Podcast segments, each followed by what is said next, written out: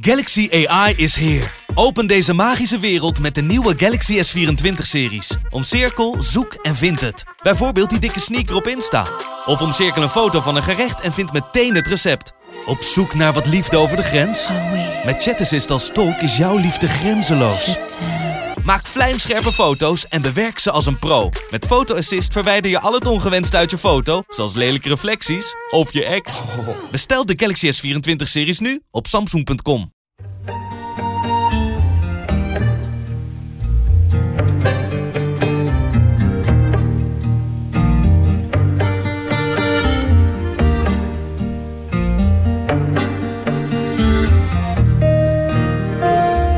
Bart is tegenwoordig uh, aanvoerder geworden bij, uh, bij Sparta. Uh, wat, wat, wat, maakt volgens jou nou een goede aanvoerder? Die is alleen maar 24 uur per dag met voetballen bezig. Kan je dat een beetje, Bart, eigenlijk? Dat is gewoon een goed ontwikkeld in, intuïtie. Die kan op een tegeltje. klopt dat ook? Is dat ook zo? Ik vind dat echt nergens op slaan. Maar...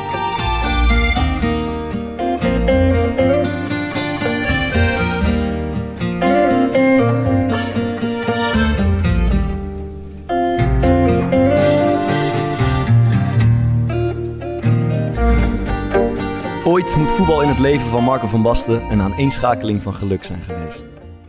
Gekleed in dat prachtige zwart-rood of in fel oranje en dan maar dribbelen en passeren, veel eleganter dan de rest. Een doelpunt na doelpunt en dat handje weer in de lucht. En voortdurend winnen, steeds een niveau hoger tot het niet hoger kon. Europees kampioen, wereldspeler van het jaar, op de schouders in Milaan, alles was raak. En met zoveel schoonheid is het bijna zonde om ook over de lelijke kant van het spel te praten, maar we gaan het toch doen. Want de superspits van toen stoort zich geregeld aan het voetbal van vandaag. Wat staat hem zo tegen en hoe kan het voetbal een beetje aantrekkelijker worden? Dat doen we vandaag met Marco van Basten. Goedemorgen. Goedemorgen.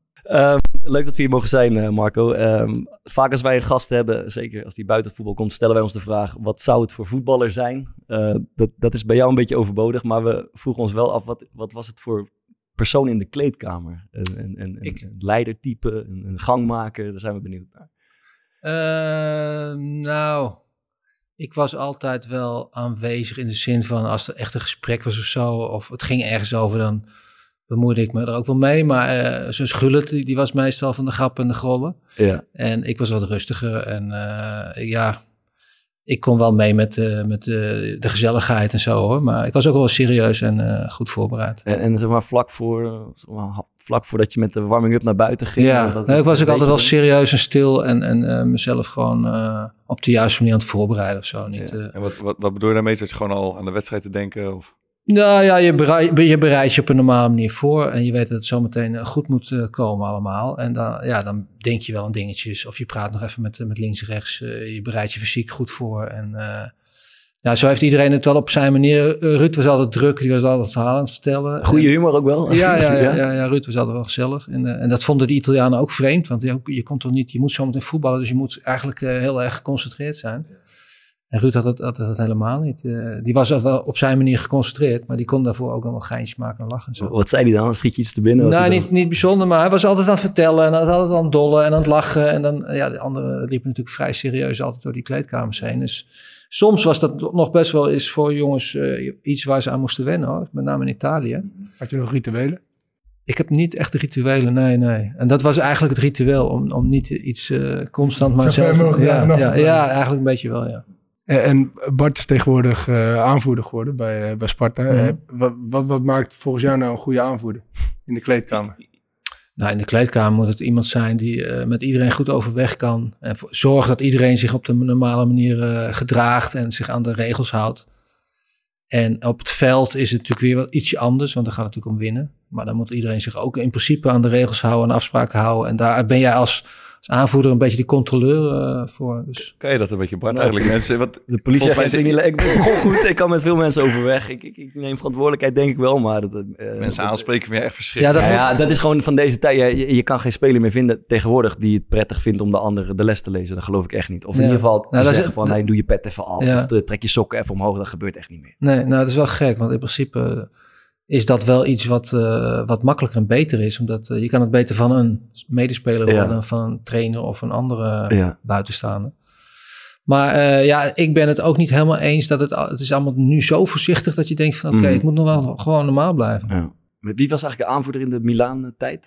Eh Baresi. Oh ja. Baresi. Baresi was, was een stille jongen die eh, ook niet zo gek veel zei, maar wel in het veld zich liet gelden. Ja. Dus ehm, ja, ja, dus in de kleedkamer was hij niet echt heel... Dus je, eh, het zou kunnen dat je daar eerder aanvoerder wordt door je staat van dienst, Ja. eh, door jarenlang bij de nou club ja, dat was ook zo. Dat degene die het meeste wedstrijden had gespeeld voor Milan, dat was, die was eigenlijk de aanvoerder. Wel Dus, grappig, eh, ja. ja. Laten we het Maldini. Oké. Ja, zo, zit het, zo, zegt- zo geldt bij mij ook eigenlijk.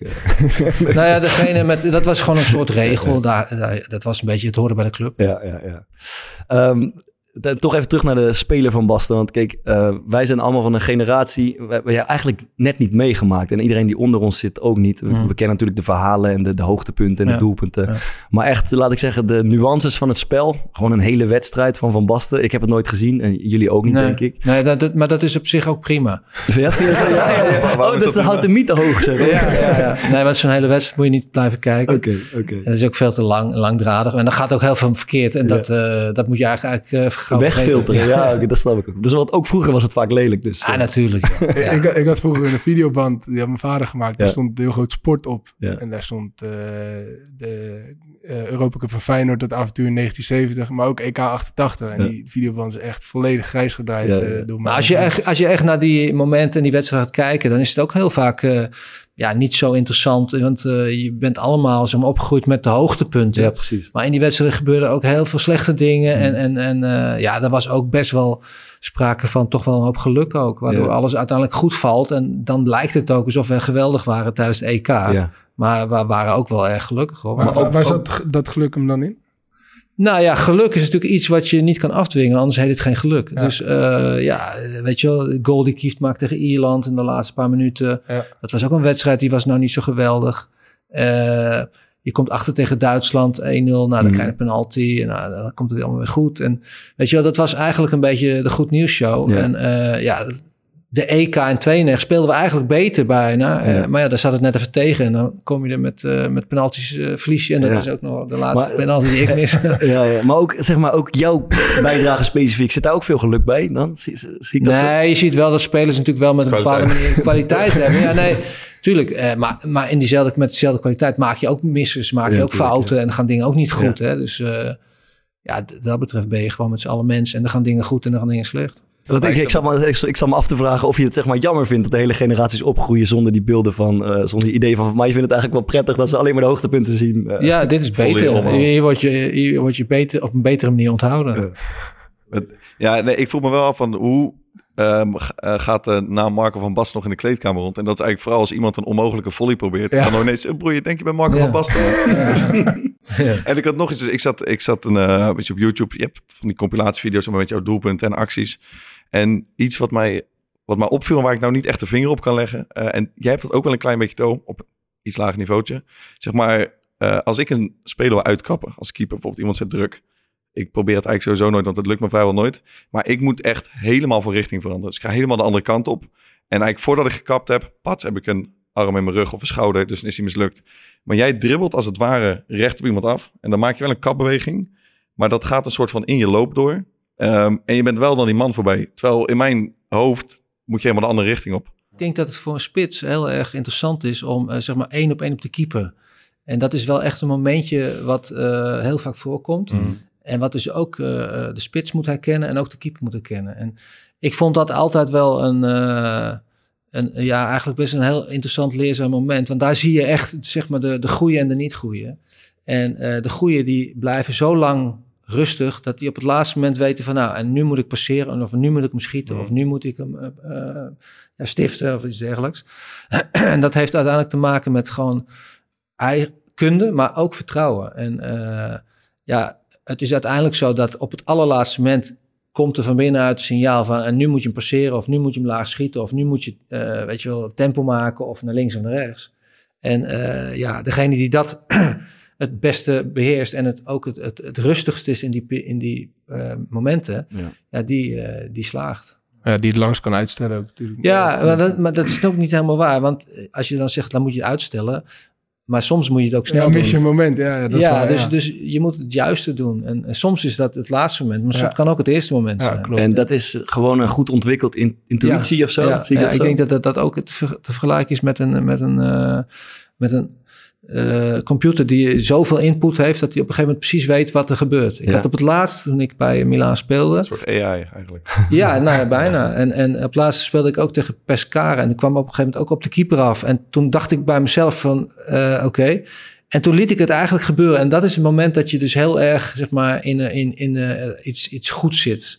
En toen passeerde ik de keeper. En, of, of, of ik op het laatste moment stifte ik hem of zo. Ja, En, eh, maar dat was niet van tevoren bedacht. Dat was niet, ik liet het eigenlijk gebeuren. ja, Je, had, je En, had eh, tijd om na te denken, maar je dacht niet na. Juist, ja. En, en het gebeurde eigenlijk. En eh, als je zeg maar dan zo vol zit met eh, input, input, ja. dan kan je het bijna laten En, gaan. maar is die input, is dat gewoon eh, heel veel talent hebben of het heel veel gedaan hebben? Allebei, allebei. Want als je heel veel talent hebt, maar je doet het niet, dan kan je het niet. Ja, En als je het heel veel gedaan hebt, maar je bent niet zo goed, ja. dan gaat het ook nog vaak verkeerd. Ja, ja, ja. En als het allebei wel goed is, dan, Ja. dan, dan wordt het mooi. En dus, oké, dat is interessant. Dus dan, Ja. dan wordt het automaat, automatisch piloot bij. Nou ja, zo'n Bobby, daar hadden we het van de week over. Mhm. Die is dus net eh, drie, vier keer op de keeper. Ja, ja. Die is dus niet rustig. Ja. Weet je wel? En dat, eh, dat, dat moet je dus nog, hij moet het nog tienduizend keer, Ja. elke keer op de trainingen en Ja. weer blijven doen en herkennen. En op een gegeven moment komt er dan wel een klik. eh, En dat gaat bij de ene wat sneller dan de ander. En het Ja. gaat ook bij de ene wat beter dan de ander. Ja. Dat is ook eens interessant, want zo leer je eigenlijk voetbal. Degene die uiteindelijk snel eh, technisch eh, het begrijpen, die gaan het ook gebruiken. En dan wordt hij tactisch ook slimmer, want hij heeft niet meer tijd nodig om technisch Mhm. iets onder controle Ja. te doen. Dat gaat wel. Dus Ja. hij krijgt vanzelf krijgt hij meer overzicht. Ja, je, hebt, je houdt ruimte over omdat het technische gedeelte Ja. wel vanzelf Ja. gaat. Ja, exact, je kan ja. gewoon vertrouwen op. Ja, eh, ja, op je, op je ja, techniek. Ja. Ja. En daardoor zie je dat zo'n zo'n eh, Iniesta bijvoorbeeld, Ja. die heeft altijd tijd over. Ja, Ja. die is zeg maar technisch zo snel goed geworden Ja. dat hij ook tijd Ja, heeft ja. gekregen om. eh, Wat, wat ik me eigenlijk nog, want ik, heb, ik, ik, ik stelde me een beetje, eh, hoe zeg je dat, omslachtig de vraag. Maar wat mij opvalt is dus, ehm, want het ging meer eigenlijk over een passeeractie richting een speler. ja, Dus jij dribbelt als het ware recht op iemand af. ja. En je maakt een kapbeweging, maar je verandert niet heel erg van richting, maar je bent wel die man voorbij. Ja, ik moet zeggen dat je het heel mooi vertelt, maar ik begrijp het niet goed.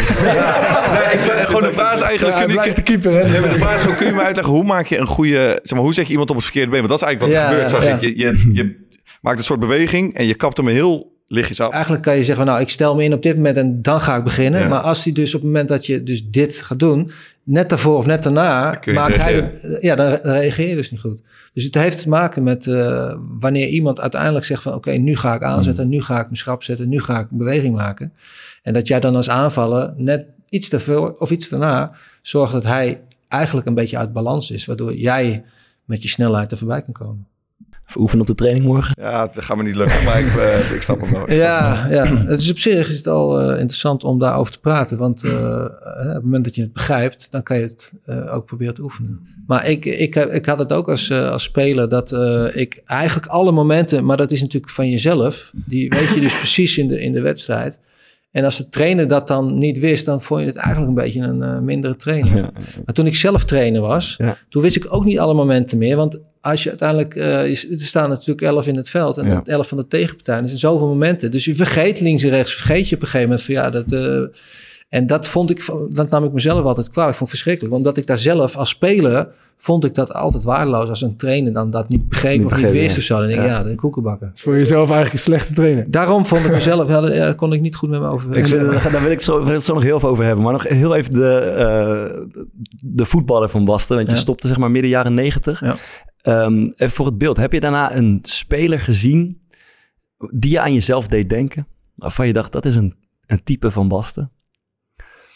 Ja, nou ja, kijk, het is altijd heel moeilijk om dat precies te zijn. Hè? Maar ehm, ja, er zijn natuurlijk eh, goede en minder goede spelers die wel wat... eh, maar echt specifiek, ik vond, Lewandowski... Vond Ja, ik zat- wel ik zat- redelijk, dat was ook de eh, eerste die mij te binnen ja, schoot, ja. Ja, ja, lijkt wel een beetje. En in welke, in welke zin? eh, Nou, omdat hij, hij kan ook wel eh, koppen, hij kan ook wel passeren, hij kan ook wel schieten, hij Ja. kan ook wel eigenlijk best wel alles. Ja. Maar het was ook niet, eh, zeg maar, eh, Messi of, eh, of, of Cristiano Ronaldo, denk ik ook wel dat ik een heel eind in de buurt kom. Ja. Qua fysiek Alleen, die, nee, alleen hij was fysiek was hij natuurlijk eh Dat ik- eh, grappig, ik- ik- sterk. hè, In ja. de zin van, hij heeft nu, hij is, hij is 38 geloof ik Ja. en die voetbalt nog. Ja. Ja, ik, ik had het wel willen zien als, als ik tot mijn 38 had kunnen voetballen. Dan denk ik dat ik beter had geweest. Want ik, ik zat toen... eh, Maar zeg ik in alle bescheidenheid. Wow, er staat wel genoteerd. Nee, ik, zat, ik zat een compilatie op YouTube te kijken. Dat duurt geloof ik 35 minuten, alleen maar doelpunten en dingen. Ja, ja. En ik was eigenlijk op zoek naar een soort zwakte, weet je, een zwakke plek. En eerst was de een na de andere goal met rechts en links en dribbles en dingen. En toen dacht ik op een gegeven moment, misschien was het een matige kopper. En toen ergens richting het einde van die compilatie kwam een aaneenschakeling van kopdoelpunten uit, uit alle hoeken en standen. En toen dacht ik op het laatst, misschien liet hij de penalties eh, gaan. Omdat ik die penalty uit in 92 in mijn hoofd had. En dan kwam later kwam een reeks, kwam ook weer een reeks met penalties. De Ja. een na de ander Ja. erin. 92% slagingspercentage, Ja, geloof ik. Dus toen, toen vroeg ik me af, ja, wat- had je zelf het gevoel dat je ergens, eh, dat er ergens nog winst te boeken was? Ja, weet je, kijk, eh, Johnny Bosman die zat bij mij in het team. Die was beter met koppen. Ja. Nou, Ik kon wel goed koppen, maar hij was net even daar beter in hoor. Want eh, dat kon hij echt, bleef hangen en dan poef. Ja. En ja, Johan Cruijff was beter in passeren. Ja. Vanenburg was beter in passeren. En weet je, dus iedereen had wel... eh, eh, Ruud Gullit, Frank Rijkaard, Koeman, die schoten harder dan ik. Ja. Alleen ik, ik schoot natuurlijk niet zo hard, maar ik schoot Ja. hard zat. Of Ja. eh, ik, ik schoot wel zuiver, weet je wel. Dus ja, uiteindelijk was er in alle onderdelen waren er wel mensen beter dan, eh, dan, dan dat onderdeel. Maar Mhm. alleen in zijn totaliteit. Ik was ook wel een allround spits. Dus ik kon ook wel schakelen. Weet je, als ik, als ik niet, eh, als die jongen heel snel was, dan wist ik, was ik net even iets technischer. En als hij technisch tactisch goed was, dan was ik fysiek ook nog wel aanwezig. Ja. En dus ik kon wel meerdere, uit, uit meerdere, op meerdere manieren kon ik proberen de wedstrijd te beslissen. Of in ieder geval de tegenstander Maar- slim af te zijn. Waren er ook situaties in wedstrijden waar je je niet comfortabel in voelde? Oh ja, ja ik heb eh, wedstrijden gehad tegen spelers. Ik weet nog wel, er was een speler bij NEC.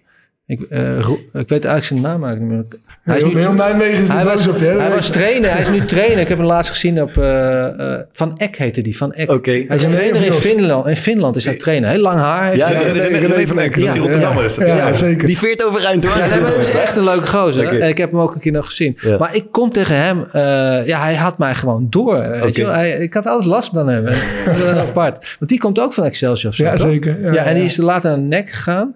En daar speelde ik toen tegen.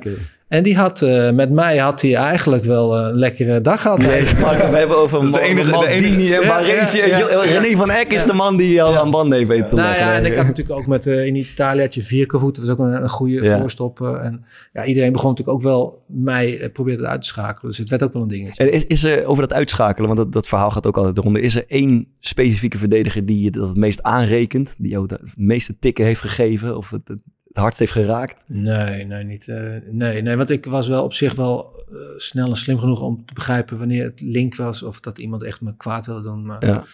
nee, er waren natuurlijk wel die Vierkevoet was een echt, maar dat was een hele goede verdediger en dat was niet echt. Die speelde wel hard, maar het was niet een pure schopper of Ja. zo. Je hebt, ik heb wel eens een keer tegen iemand gespeeld in eh, Italië, het, het- Torino was dat, en dat was ik weet niet meer hoe die. Maar dat was echt een beetje een, simpele hakker als het ware. Ja, ja. Ja, die, eh, die was zo met me, die stond zo als, als er een corner of een ingooi stond en er was daar de bal, weet je wel. Dus, hallo. En, en toen, toen was hij zo... Hoe eh, stond hij dat? Stond hij zo klaar om je erg- af te eten? ja, ja. Eh, bleef je nou uit de buurt of vond je dat wel lekker? nou, ik stond hem aan te kijken van, volgens mij moet je naar de bal kijken. en toen kreeg hij op een gegeven moment kreeg hij voorzet en hij glijdt die bal weg, eh, maar met de bal in de goal. Ja. En toen, eh, toen dacht ik, ja, toen kon ik niet laten om boven hem een dansje te Ja, maken. En dat was een, een, een bekerwedstrijd in Turijn. En toen eh, werd het hele stadion wat boos op mij. Want dat was geen stijl, dat was eh, respectloos. En hij werd boos en die spelers van uh, Turine werden boos. En nou, we stonden dus 1-0 voor. En toen was de Capelle was trainen. En, en toen begonnen ze mij echt als... Ja, ze begonnen alle kanten wilden ze me echt uitschakelen als ja. En dat vond ik eigenlijk wel leuk. Ja, want een beetje provoceren was je ook niet vies van. Nee, nee, maar dat, dat was ook, dat werd ook wel weer een uitdaging. Dus uh, aan alle kanten proberen ze en die scheidsspelers nog een beetje in de, in de, in de, onder controle te houden. Ja. Maar dat, uh, na twintig minuten toen hadden de trainer Capello hadden me eruit. Dus dit wordt een beetje te gevaarlijk voor jou. Nog even terug naar, die, naar toch dat, uh, dat trainershoofdstuk. Mm -hmm. ja, je leest er van alles over. Je noemt het zelf een, een pijnlijk vak eigenlijk. Pijnlijk? Uh, ja, nou, heb het ik, is heb zwaar, ik, zwaar. Ja, wat, wat, wat, valt je, wat viel je het meest nou, omdat tegen? je dus, uh, je moet heel veel uh, dingen doen. Hè. Je, je, hebt natuurlijk je hebt een selectie van 26 man en die ja. moet je allemaal, ja, serieus nemen. En je moet, je moet iedereen heel veel eh, aandacht geven. En, en, en je moet met trainers voorbereiden. En je moet trainingen voorbereiden, wedstrijden voorbereiden. Dus echt, echt, echt, het was echt werken. Ja. dat ging ineens, Heel voetbal hard. ging ineens werken. hoor. Ja, ja, ik heb, eh, nee, dat is echt zo. Als ik voetballer was, toen, dat, dat, dat was gewoon leuk. Ja. Dat eh, had niks met eh, werken te maken. Ja. Dat was gewoon, dat zou, ik zou het ook voor niks hebben gedaan, bij wijze van spreken. En dat is ook iets wat de voetballerij moet leren. Al die voetballers, die verdienen natuurlijk hartstikke veel geld. Ja. Maar als ze allemaal, alle voetballers, de helft zouden krijgen, zou iedereen ook tevreden zijn. Ja. Dus er is wat dat geld zat in de voetballerij. Mhm. En iedereen loopt zich om druk te maken. De enige die daar constant over loopt te zeuren, dat zijn de makelaars. Mhm. Maar eigenlijk zou het prima zijn als iedereen de helft zou kunnen verdienen. Ja. Waardoor je heel veel geld overhoudt. Waardoor dus heel veel dingen nog anders eh, en beter zouden Ja. kunnen. Ja, je ziet het ook haast. Dat ik ben, ben me een beetje gaan verdiepen en die documentaires gekeken. En als, als speler zie je gewoon zie je plezier. En je ziet een beetje dat bezweten hoofd. En lekker gewoon losgaan in de strijd daar met verdedigers. En een beetje uitlachen en, en spelen. En dan zie je als trainer zie je gewoon, ja, eh, gewoon een beetje geagiteerde man. Die ver, of verongelijkt is naar de scheidsrechter soms. Die kan een pannenkoek naar zijn hoofd geslingerd. En dat soort dingen. En dan, dat contrast is zo gigantisch. Ja, Dus het dat- is ook een echt een ander vak. En het is een hele andere beleving. En ik als voetballer had, had een heerlijk leven. En ik vond dat prima. Maar als, als trainer werd ik op een gegeven moment echt eh, depressief. Ja, Dat was echt moe. ja echt. Maar, Nou ja, ik werd gewoon moe. Ja. Echt moe.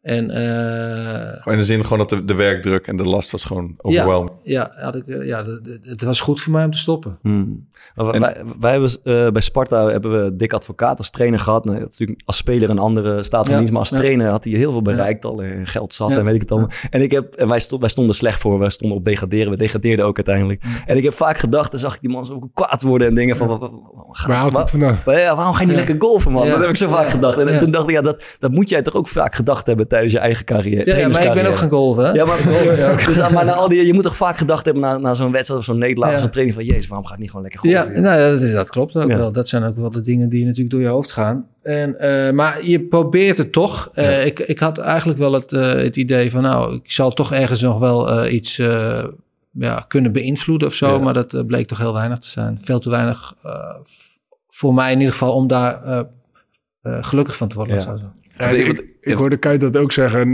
na, zijn eh, eh, seizoen bij ADO vorig jaar, dat hij heel veel moeite had met het, het verschil van niveau waarop hij had gespeeld en waarop hij nu eh, de spelers moest trainen, zeg maar. Ja, nou goed, dat, ik denk dat dat niet eens, want dat weet je.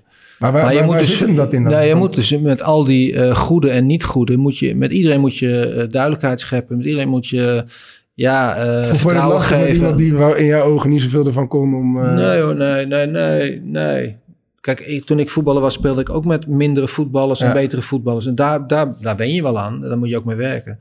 Alleen je moet zoveel meer doen, weet je wel. Ja. Dan, eh, als, als, als speler ben je natuurlijk onderling, ben je heel direct, eh, zeg je waar het op staat. En als, als, als trainer moet je dat toch wel op een andere manier Ja. gaan eh, brengen. Veel complexer. En ja, je moet, je moet namelijk wel een speler voor je winnen. Want anders schiet het niet op, weet je wel. Ja, ik, weet, ik kwam het, het jaar dat jij wegging bij Heerenveen, het seizoen daarna ben ik daar naartoe gegaan. En ik weet nog dat een aantal van die, uh, ik had veel Scandinavische jongens uh, daar, uh, die daar spelen, ja. dat, ik, dat ik een beetje aan hen vroeg van, hoe was dat met Mark van Basten als trainer, weet je, is Nederland een grootheid. En dat zij zeiden van, ja, het, het was eigenlijk onvoorstelbaar um, hoe vriendelijk die was. En uh, het was meer voor ons zeg maar, als een van de spelers. En dus ik vroeg, nou, hoe bedoel je dat dan? Dus toen vertelde een van de jongens dat jij wel eens bijvoorbeeld aan hun had gevraagd van, joh, ga je vanavond iets doen, anders kunnen we samen wat gaan eten. Uh, dus ik, ik, was wel benieuwd, is, um, herinner je dat? En is dat uh, iets wat je bewust doet? Of is dat gewoon iets wat je, wat je denkt van, weet je wat, dat leek me leuk? Want dat is denk ik wat, ik heb dat verder bij een trainer, ik weet niet hoe dat bij jullie is, uh, nog nooit meegemaakt. Maar ik vind het eigenlijk ook wel iets, gewoon iets heel ja, liefs. Hebben. Nou ja, ik, ik, ik was bij Milaan, of in uh, Heerenveen was ik daar natuurlijk ook, zeg maar, niet thuis. Hè, want ik mm. woon natuurlijk in Amsterdam. Dus uh, ja, als ik daar dan bleef slapen, of uh, dan, uh, ja, dan moest ik toch eten. Dan kon ik beter met de jongens wat gaan eten dan in mijn eentje natuurlijk. En, uh, nou ja, en, en, maar dat zijn wel allemaal dingen die uh, wel uh, meespelen. En je gaat natuurlijk als spelers ga je ook met elkaar eten. Ja. Dus wat dat betreft is het ook weer niet zo gek. Alleen, ja, ik moet zeggen dat ik, ik deed mijn uiterste best om, om, om zeg maar relaties te onderhouden of vriendschappen te creëren. Met eigenlijk met alles en iedereen. Omdat dat ook belangrijk is, weet je wel. Je moet elkaar ook gewoon naast de voetballerij kennen. Waardoor je ook in de voetballerij met elkaar natuurlijk ja, beter samenwerkt. En uh, ja, daar deed ik wel mijn best voor. En het, het, het, de keerzijde daarvan, want dat hoor je vaak, het is sociale, aardig en rustig, maar uh, gewoon een keer goed kwaad worden. Had je daar meer goed. moeite mee, zeg maar? Als, als Nou ja, dat was eigenlijk mijn natuur. Ik ben heel snel, wat heb ik aangebrand wel. En, eh, ja, ja. Grappig dat dat als trainer dan niet... naar. Nee, nou, als trainer probeerde ik me daarin juist te beheersen. Oké. Ik heb ook daarvoor natuurlijk met, met Van Nistelrooy en Van Bommel heb ik wel een paar van die akkefietjes gehad. En ja. dat wordt dan eh, wel een, een lange, vervelende discussie en dat is, is ingewikkeld allemaal. Ja. Dus dat moet je ook een beetje zien te voorkomen. Maar soms is het ook heel goed om te zeggen, luister tot hier en niet verder, want anders uh, zo die niet erop. Ja. Dat hoort er ook bij. En, Mhm. uh, maar goed, voordat je dat doet, moet je er wel... Kijk, als speler is dat een makkie, want dan zeg je na de volgende dag van, nou ja, sorry en we gaan weer verder. Maar als trainer blijft het wel hangen, weet je wel. Dus het is ingewikkelder.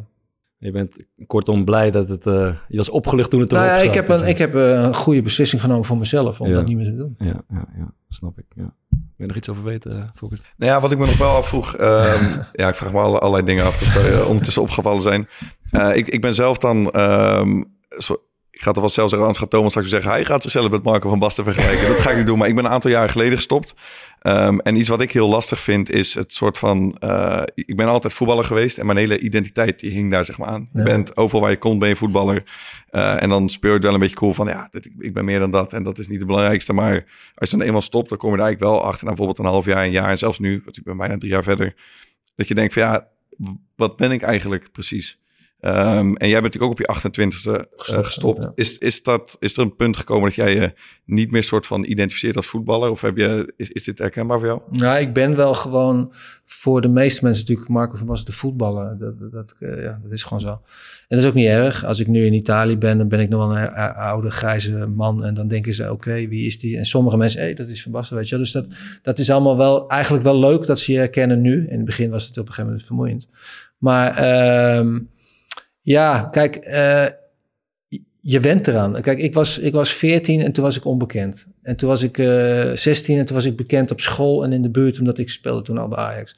En uh, 18, ja, dan kom je op televisie en dan word je eigenlijk in Nederland word je bekend. En op een gegeven moment word je in Europa bekend en daarna zien ze het allemaal. En ja, dan, dan ben je gewoon heel erg bekend en dan ben jij de voetballer. En op een gegeven moment uh, stop je ermee en dan wordt dat steeds weer minder. En ja, nu ja, voor de ene ben ik, als ik uh, mijn leeftijdgenoten tegenkom, die over het algemeen die herinneren zich nog wel wie ik was en zo. Dus dan hey, en dat vinden ze allemaal mooi.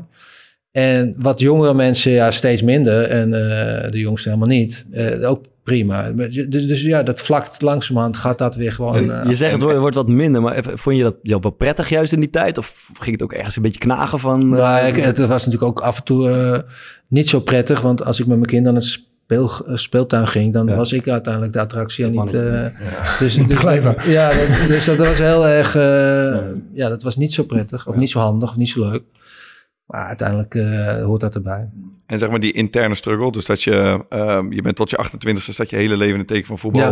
Ja. Uh, je gaat trainen, je hebt getraind, oké, okay, prima. mijn dag is in principe nu goed. En dat valt dan daarna helemaal weg. Heb, heb je daar last van gehad? Ja, dat was natuurlijk verschrikkelijk. Kijk, ik, heb natuurlijk, ik ben uh, abrupt moeten stoppen met voetbal. Dus mijn voetbal, voetbal was mijn leven. En dat heb ik ook gezegd, ben, eigenlijk ben je, ben je een beetje overleden als, als, als voetballer. En dat was ook echt zo. Dus uh, ik heb daar, uh, los van dat feit, had ik ook nog echt last van die enkel. Dus ik moest er ook geopereerd worden. Ik moest echt nog wel uh, ja, zorgen dat ik niet meer mank zou lopen en, last zou hebben van in het gewone leven van mijn enkel. Dus dat was, was ook nog een, een lange periode om daar zeg maar goed uit te komen. Ja, en, en het feit dat je natuurlijk uh, met voetballen wat het leukste... Ik bedoel, ik, ik stond op het hoogste punt van de bovenste berg... en ik flikkerde eigenlijk naar beneden, naar het allerdiepste punt. En uh, ja, dat doet wat met je. En het is uh, zwaar en het zijn ja, donkere jaren geweest als het ware voor mij. En hoe, dat hoeft niet hoor, als je dat niet wil, snap ik ook. Maar kun, kun je dat zeg maar, concreet maken? Als je zegt, het, het waren donkere jaren. Nou ja, kijk, mijn kinderen groeiden toen op. En ik weet nog wel dat ik met mijn jongste dochter op een gegeven moment, uh, ik wandelde om, uh, zeg maar, waar wij woonden, wandelde ik uh, met, met krukken om heen. En toen kwam ik terug en toen stond zij klaar. Oh nee, ik, ik, ik fietste. Ik fietste, wandelen ging dus niet. Toen kwam ik terug en toen, toen had zij die, die stokken al klaar staan voor mij. En dan kon ik met mijn krukken natuurlijk lopen. En toen dacht ik ook van ja, eigenlijk moet het zo zijn dat ik haar moet helpen en niet zij mij moet helpen, weet je wel. Dat, dat zijn natuurlijk ook dingen die gebeuren ouders overlijden uh, soms later dan het kind of zo. Dat, zijn, dus dat, dat is niet de goede volgorde. En dit had ik ook een beetje, weet je wel. Dus uh, ik moet er zijn voor mijn kinderen. Mijn kinderen moeten niet, moet niet zo zijn dat zij voor mij moeten gaan zorgen. En ja, dat, dat zijn wel pijnlijke momenten. dat is vervelend, maar dat hoort ook een beetje bij het leven. Want het is niet allemaal roze geur en maneschijn. Maar uh, ja, een tegeltje. maar dat, uh, nou goed, dus, dus ja, dat zijn dingen die, uh, ja, die maak je ook mee. Ja. Wat ik me altijd afvraag, als ik, ik kan me nog herinneren, ik weet niet hoe lang het is geleden, volgens mij een wedstrijd in de Amsterdam Arena ter ere van Johan Cruijff, dacht ik, zo, met allemaal oude legends, ja. dat je ook meedeed. Dat er een paar momenten waren dat ik dacht, ja, je ziet gewoon echt los van die enkel echt goed kon voetballen. Ja. wanneer heb je nou voor het laatst uh, een bal geraakt? Doe je dat nou, ik denk dat dat uh, een van de laatste keren was. Want ik, ja, ik doe echt nooit meer. Nee, omdat ik gewoon ook uh, echt mezelf pijn doe. Als ik, ja. want ik, ik moet, zeg maar, die enkel staat vast. En ja. met lopen moet je, zeg maar, door die 90 graden heen. Dus dat lukt niet. Dus op het moment met, met tennissen of met voetballen, hoe groter het veld wordt en hoe meer je eigenlijk, zeg maar, moet Grote stappen lopen, maken. Ja, hoe slechter het is. Ik, mis je dat? Nou ja, kijk nu niet meer, maar ik, ik, het was mijn leven. Hè? Dus uh, ik ben het in principe dan. Uh, er werd er gewoon een gedeelte van mijn leven geamputeerd, als het ware. Ja. En uh, ja, nu ben ik aan het squashen, ik ben aan het golven en uh, dat gaat allemaal nog net. Maar ja, het, het liefste, het leukste en het lekkerste is natuurlijk om vrij te bewegen. Wat, wat, zeg maar, is er iets aan voetbal wat je heel specifiek mist? Bijvoorbeeld gewoon het, uh, weet ik veel, een hooghoudspelletje of partij, partijtjes kunnen spelen. Zou je zo één ding pijnvrij kunnen doen in een uurtje? Ik vond het eigenlijk het leukste eigenlijk altijd wel die partijtjes van 50 tegen 5, ja, 6 tegen 6. En uh, die verloor ik ook weinig, moet ik zeggen.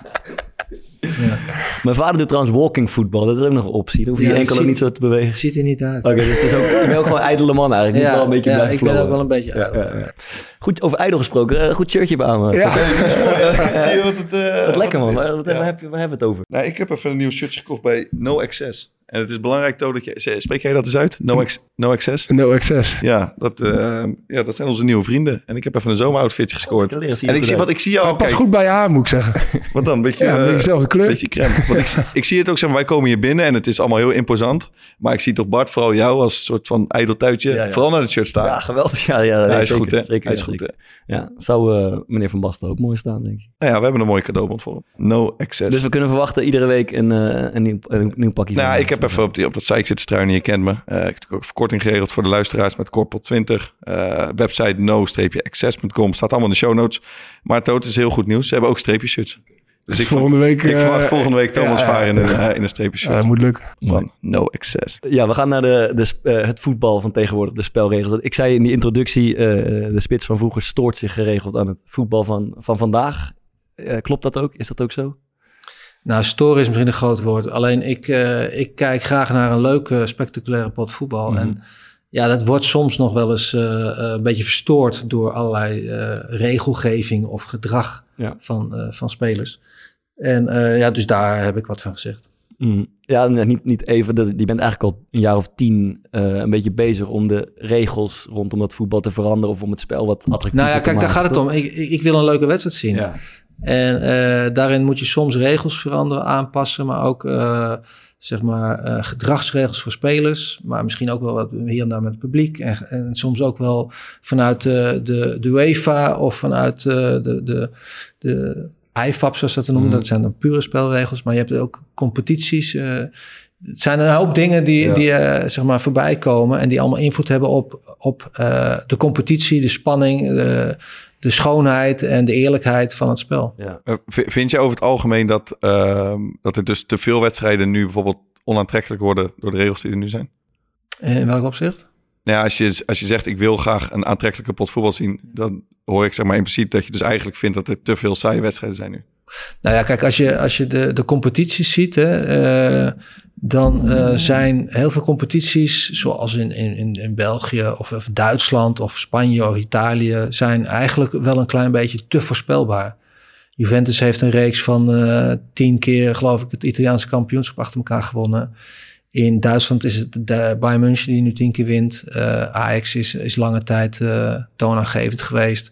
In, in Spanje is het eigenlijk ja, Barcelona of Real Madrid. Uh, weet je, dus, dus eigenlijk is dat een beetje gek. Oh, sorry. Dat, uh, dat dat soort competities uh, nog steeds gepruimd worden, als het ware. En als, je, als je het op die manier gaat benaderen, denk je ja. eigenlijk moeten we dat ook allemaal een beetje gaan veranderen. Want al die competities zijn veel te voorspelbaar geworden. Ja. En, en, maar dan goed, dan heb je het over andere, eh, een, een, andere manier van, van competities maken. Omdat eigenlijk zijn er vijf grote competities. Dat is Franse, Engelse, de Duitse, Spaanse en Italiaanse. Die ja, commanderen alle andere. En die, alles wat goed is in die andere competities, dat pakken zij. En dus zij worden alleen maar beter en die anderen worden alleen maar slechter. Dus ook daarin zou je, zou je eigenlijk de boel moeten gaan verstoren.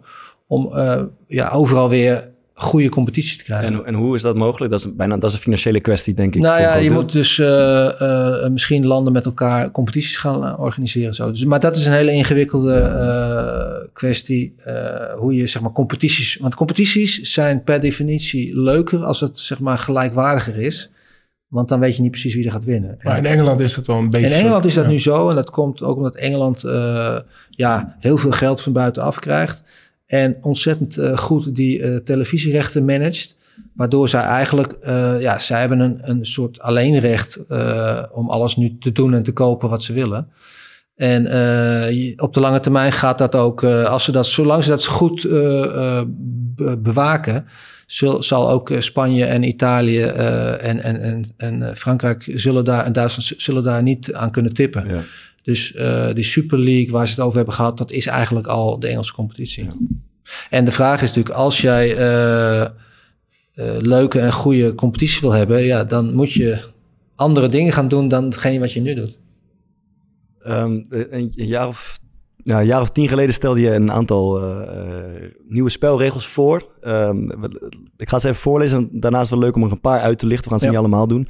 Dat is het afschaffen van buitenspel. Een tijdstraf in plaats van een gele kaart Shootout in plaats van penalties. Uh, effectieve speeltijd. Vliegende wissel. Meer dan drie wissels mogelijk. Uh, geen gezeur meer bij de scheidsrechter, alleen de aanvoerder. Maximaal vijf overtredingen mag je als speler maken. Daarna moet je het veld verlaten. Ja. Uh, deze is ook interessant. 8 tegen 8 in plaats van 11 tegen 11. Dat ging dan vooral om de jeugd, om, om het jeugdvoetbal, geloof ja. ik. Ja. Uh, en minder wedstrijden per seizoen. Dus maximaal 50. En nu zijn het er soms wel 80 voor topspelers. Laten we, we kunnen ze niet allemaal afgaan, maar laten we een paar uitlichten die uh, interessant zijn. en nog niet zijn doorgevoerd, overduidelijk. Het afschaffen van buitenspel is denk ik degene die het meest in, het oog springt. Sta je daar nog steeds achter eigenlijk? Nou ja, is, het zou natuurlijk heel interessant zijn als we dat met z'n allen zouden toetsen. Hè? Dus als jij in de derde liga van Nederland of Duitsland, Spanje gewoon uh, dat laat uh, uh, gebeuren, mm -hmm. dan wil je eens kijken naar een seizoen of dat goed is, succesvol, leuk mm -hmm. is. Het gaat natuurlijk om dat het is een hele ingewikkelde regel die heel veel, heel veel, heel veel gedoe zorgt, dat die dan uit dat spel genomen wordt. En ik denk dat het goed kan, omdat als je ehm, het zou doen, dan krijg je dat het veld in principe groter wordt. Dat klinkt ja. een beetje gek. Waardoor je dus, uh, ja, je krijgt meer tactische mogelijkheden. En, maar ook uh, meer technische mogelijkheden, toch? Ja, want, ja. want, want, de ruimtes voor spelers worden, worden, worden veel makkelijker. Ja. Dus, dus het wordt moeilijker om te verdedigen. Uh, het wordt makkelijker om aan te vallen. Het makkelijker om te scoren. En het ja, wel of niet buitenspel is natuurlijk een heel groot issue nu. En ik denk als je het gewoon met, met z'n allen afspreekt en je weet niet beter dat het uh, prima zou kunnen functioneren. Ook, wel spits praten. Ja, nee, maar dat, dat, dat, dat, is ook zo. Dat de verdedigers zullen het er niet mee eens zijn. Nee, ik, ik ben zelf, zelf verdediger. En ik redeneer meer zo van als, um, als ik dat wapen van buitenspel niet meer heb... Ja, dan denk ik juist dat we met de laatste lijn juist extreem laag gaan staan. Ja. Zodat je niet, in ieder geval niet die spits vrij laat tussen de keeper dat en de klopt. Alleen als je namelijk te veel in je eigen 16 meter gaat staan... Ja dan wordt het ook een schiet. Uh, schiet ja. uh, mm. en dat, dan, hoe, laag, hoe laag wil je gaan staan? Ja, dus dan kan je de keeper, ja. die keeper heeft geen overzicht. Dus die zegt van ga in, in godsnaam weg van mij, want ja. anders heb ik geen. Uh, ja, kan ook niet te ver als twee spitsen Hoe laag ga je dan staan? Dus, nee, maar dat is denk ik. Dan kan het echt niet meer. Nee, maar dit is dus precies waar. Dus het kan heel interessant zijn. Dus het kan ook heel veel juist positief werken. Want wat ga je uiteindelijk doen? En je kan ook veel meer zeggen, nou, ik ga echt een keer een paar, paar spelers bij wijze van spreken naar de voorkant daar laten staan, zodat ik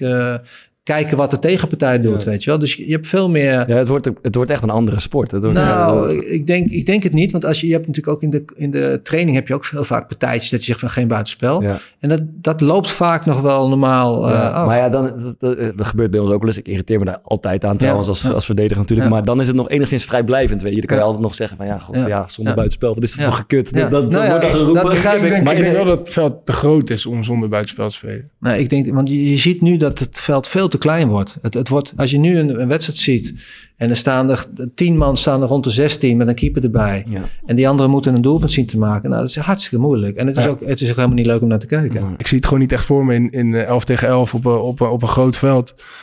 Eh, ja, de, de hele tactische opvatting van vrijwel alle ploegen die, die, die verandert eh, ja, bijna 180 graden, zeg maar. Want eh, ja, je, je, je kan, ik denk dat het zou niet weten hoe je druk moet zetten. Ik zou, dus dat, ja, dat is echt, eh, dat- Maar je- het gaat echt, echt krankzinnig veel veranderen. Ja, maar dat is juist Ja. leuk. Dat is Ja. En ik denk dat het eh, heel veel zou, naar het positieve zou veranderen.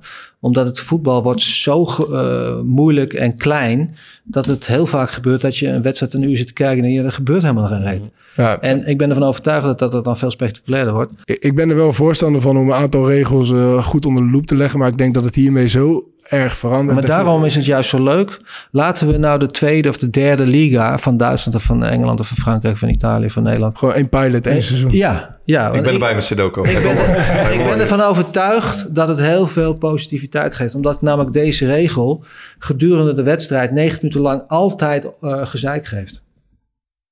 Altijd. Er is altijd vijf, zes momenten. Je hebt wel of geen buitenspel. Of, of nou ja. Er, er komt, er wordt nu geëxperimenteerd met een nieuwe regel die geloof ik eh, Arsène Wenger eh, bedacht. Dat buitenspel Ja, ja, dus dat- dat- niet meer een, een, Ja. een klein Maar dat- deel van je lichaam is, maar Nee. je hele lichaam Ja. moet buitenspel. Nou, dat is Ja. in ieder geval een stap voorwaarts. dat lijkt er al op. Dat is, Ja. dat is een stap voorwaarts. Want er moet zeg maar licht tussen kunnen voordat je buitenspel staat. Dat heb ik al tien jaar geleden gezegd. Het is een beetje hetzelfde. en, Dus is eh, niks, niks nieuws van uh, Arsène. Hè? Niks nieuws. Nee, maar ook niet van mij hoor, want ik heb het ook niet uitgevoerd. Maar in ieder geval, eh, nu is het zo dat je je kleinste stukje pink Ja. of je Ja. kleinste teentje sta je buitenspel en dus volledig buitenspel. Wordt het afgefloten en doelpunt gaat door. Hij pinkt niet, hè? Die, eh, daar- daar, daar mag je niet meer scoren. nee, Dus, dat is eh, waar. Nee, maar dan Maar je- je teen dan. je teen, teen, je teen ja. of je veten. En, eh, We zijn scherp hoor. en, eh, en, en nu heb je dus het volledige lichaam. Dat scheelt dus wel een 30 centimeter. En eh, ja, hier heb, daardoor heb je dus echt eh 30% dat de doelpunten die nu niet doorgaan, die worden dan wel gegeven. Weet je dus waar dat ik- is sowieso zeggen, bij- jou haar 30 centimeter zou een hoop schelen. hoor. Weet je waar ik het wel... Als je, als, je, als je even 30 centimeter eerder kan starten achter die verdediger. dat, dat was voor mij eh, een, een groot verschil geweest. Ja. Die- dus- zou je altijd hebben dat je net te laat bent. Maar Waar ik het wel een mooi eh, plan zou vinden is vanaf de eerste klasse eh, eh, amateurs. Want daar heb je Ja, die clubgrensrechters. scheidsrechters en Ja, grensrechters, je dramatisch, dat, is, Ja. dat slaat helemaal Ja. nergens meer Dat is wel misschien de oplossing. Hoe kom je van Maar die eh, partijdige grensrechten Ook weer een hele, hele positieve eh regelverandering is het bij het amateurvoetbal. Ja. Dus, dus dat zou ook heel, heel eh, toegejuicht moeten Geen worden. grensrechters meer nodig. Nou ja, daar- Die kunnen ja. wat anders Je kan, twee, je kan twee, twee in plaats van eh, Ja. één en twee grensrechters. Ja. Ik denk dat de ADO-jeugd uh, ieder elftal degradeert, man. Als je dit, eh, als je dit doorvoert. Nee, maar het, het, zou, het zou gewoon heel interessant zijn, leuk zijn om eh, daar een pilot voor uit te trekken voor zeg maar de derde divisie. Om dat eens eens te laten eh, kijken wat er gebeurt. Dan iets waar wij het al eh, met z'n drieën keer kort over hebben gehad. Wij juichen dit volgens mij toe. De shootouts in plaats van de penalties. Ik niet. Ik het lijkt me doodeng Ik ben- ik- eerlijk, maar Ja. het is Nee, wel... eh, Dat, het, eh, het is mijn, groot, mijn grote uh, zwakte puntskeeper 1 tegen 1. Ja. Het lijkt me echt de hel, een shootout. maar gewoon Wel, om maar te even kijken los lijkt van me je, heel leuk. Los van je eigen ding, eh, om het, om het te kijken is het Maar hoezo? Je hebt toch meer kans als keeper om een shootout te stoppen dan om een penalty te stoppen? Maar luister maar, ik ben zo slecht aan het 1 tegen 1. Mijn benen worden zwaar. Ik ga al klaarstaan als jullie op die middenlijn vertrekken. Uh, tegen de tijd dat je bij mij bent, dan zit ik op mijn kont. Dat wordt ook. Heel- ook. Moet- Ga je nadenken, gaat hij hem chippen, gaat hij hem Nou, ik, heb, ik heb het eh, zeg maar voorgelegd omdat ik, het, ik vind het iets meer voetbal dan een penalty schieten. En, eh, maar dit is, niet, dit is nou niet echt een punt eh, wat, wat zeg maar, het voetbal verbetert of niet. Het, zou denk ik ietsje spectaculairder zijn. Maar het is ook vaak zo dat één op één op de keeper wordt er toch ook wel heel veel gescoord. Dus Ja. het, het verandert niet zo gek veel. De, en wij zijn, ja, jij vond het ook een mooi idee toch in feite? Nee, maar ja, je, je hebt het altijd over dat penalties toch wel een soort van loterij is. Ik bedoel, Ja. als je met Stedoko tegen Feyenoord penalties gaat nemen, dan kan. Stedoko makkelijker winnen dan als ze moeten voetballen. Ja. Dus als shootout, dan gaat het veel meer om eh, over kwaliteit. Ja, ja. Ja, maar je krijgt ook, dat is best wel ingewikkeld, want je hebt dan ook weer een shootout en dan kan een keeper kan ook weer een penalty veroorzaken. Wat doe je dan? Krijg je, dan, krijg je dan wel een penalty? Ja. Dat is iets voor jou, daar ben je beter in toch? Ja, je ziet mij alleen maar tackle uiteindelijk. Maar je mag ook nog maar vijf overtredingen maken. Dus dan kan je vijf keer En dan is het vijf keer doorlopen. En vijf minuten tijdstraf, dan moet je ook even wachten allemaal. Maar deze heb ik niet. Goed, dus dat wordt ingewikkeld daar. Dat moet, eh, Een penalty veroorzaakt tijdens een shootout. Hetzelfde heb je met eh, buitenspel, wat ik net over had. Als je dus nu een buitenspel hebt en je schaft het af, wat doe je dan met een vrije bal? Want als je een vrije bal hebt van buiten de 16, dan ga je meestal zo'n eh, eh, heb je een muurtje of je hebt eh, één lijn. En je zegt van, Ja, dat kan je gewoon nu kan je allen voor de keeper gaan staan. Ja. Dus dat moet je ook wel weer, eh daar moet je wel regelgeving op loslaten. ja, zit Ja, want- want- hoop haken en ogen aan. Bij- over zo is dat ik ook na te denken. ik heb ook als mensen horen pleiten voor dat je gewoon onbeperkt kan doorwisselen. Zodat je gewoon de hele tijd fitte spelers Ja. kunt hebben. Maar dan zat ik te denken aan Atletico Madrid. Die komen bijvoorbeeld 1-0 voor. En die zetten dan misschien gewoon bij van spreken negen verdedigers Ja. erin en één reus ervoor. Ja. Dus dan krijg je ook weer best wel... Ja, je, Het is een soort American voetbal, dat Ja. je met z'n 40 op de bank zit. Mm. ja, dat Ja. je dus soort van... Je gaat verdedigen als je voor staat. Ja. En als je achter staat, ga je brengen allemaal aanvallers Ja. in. Ik weet niet, dat lijkt me ook een beetje... onder- Ja, maar dat heb ik ook niet voorgesteld. Oké. Lijkt mij wel. Ah, nee, iets vaker wisselen. Dan eh, wel interessant, denk ik. denk dat veel mensen dit boeiend vinden. De eh, effectieve speeltijd. Ja. Is dit iets eh, waar jij nog steeds echt achter staat? Effectieve speeltijd, ja. zeer zeker, ja. Ja, omdat, kijk, uiteindelijk wil je meer speeltijd. Je, als, als, gen, of als supporter wil je actie. En je wil zoveel mogelijk actie zien. Dus op het moment dat jij effectieve speeltijd doet, dan heeft tijdrekken eigenlijk niet zo gek veel zin. Want je speelt die.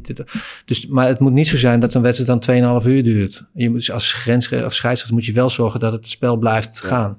Alleen het effect van, van eh, tijdrekken is, is er dan af. Ja. En misschien moet je wel twee keer eh 35 minuten gaan spelen omdat dat dan overeenkomt met de twee keer 45 minuten die je normaal gesproken speelt met als er dan de bal uit is. Want dat is ook nog een punt. Hè? Heb je dan de bal, heb je dan een basketbal, dat je de bal over de lijn is, het gelijk de tijd stilstaat. Of dat alleen de tijd stilstaat als er iets gebeurt waardoor het spel niet eh, door kan gaan. ik zou het wel eenmaal doen. Ja. Ja, maar dan, dan wordt het zeg maar. eh, ja, dan weet je niet meer hoe lang een wedstrijd duurt. eh, ja, maar dan moet je dus twee keer 35 minuten of Ja. twee keer 30 minuten gaan spelen. En dan moet je even je gaan uitvinden. Ja, het dat is de allereerlijkste manier. Maar dat, dat, dat getuigt natuurlijk. Dan moet je wel zeg maar, een klok in het stadion hebben. Ja. Die dus echt op de moment dat die fluit, dat die gelijk ook stopt. Weet wel. Maar waar, waar houdt je, jou, je poneert zeg maar ideeën, die heb je zelf Ja. bedacht of die Ja. heb je van mensen, die haal je uit Ja, andere ja, sporten. ja, ja. Maar er zitten, aan al die dingen zitten ook heel veel haken en ogen en Ja. nieuwe regelgeving. Ja. en zo. Heb Ja. je iets van, daar, dat is dan aan andere mensen, omdat, of, of heb, denk je daar ook over na? Van oké, wat zijn de implicaties hiervan? Ja, ja, daar denk ik ook over na. Ja. En wat, Ja. wat, is, wat valt er bijvoorbeeld eh, tegenin te brengen dan tegen die effectieve speeltijd? Nou ja, die mensen die het niet willen, die zeggen: ja, we zijn toch geen, eh, geen basketbal of we zijn toch geen ijshockey. Maar zaalvoetbal doet het ook. En dat is, Ja, en dat die gaat mensen die, hebben, die zeggen: ja, voetbal is te goed, iedereen is toch Ja. te happy. Dus waarom zou je het allemaal veranderen? Ja. Terwijl Ja. ik vind juist, je moet eh, voetbal kijken. en Je moet het elke keer, elke week, elke wedstrijd moet je kijken. Is het nog eh, optimaal? Is het nog eh, eerlijk? Is het nog eh, spectaculair? Is het nog leuk om te kijken? En, en daardoor moet je constant, zeg maar, je moet het publiek blijven winnen voor je. Dus het product als het ware moet je optimaliseren, altijd. En, en dat doen ze dus helemaal niet. Dat, dat vind ik echt een gemis. En met ze bedoel je dan de... De UEFA, de FIFA, de IFAB, al die, al die instanties. Ja, want, want dat was mijn andere vraag. Het is allemaal zeker dat effectief speeltijd. Ik denk, volgens mij staan daar best wel veel mensen achter. Ja. Eh, en ook dat gezeur bij de scheidsrechter komen zo op. Ja. Maar waar, waar loopt het dan spaak? Waar, waarom? wa- want als, er zijn best wel veel mensen het collectief over eens, denk ik. Ja. Of die zijn wel te vinden. Eh, Nou maar ja, waar, gaat- stop- waarom gebeurt het dan nog? Ja, omdat de FIFA is dus een, eh, een, een bond die door de hele wereld eh, geleid wordt, als het ware. Ja.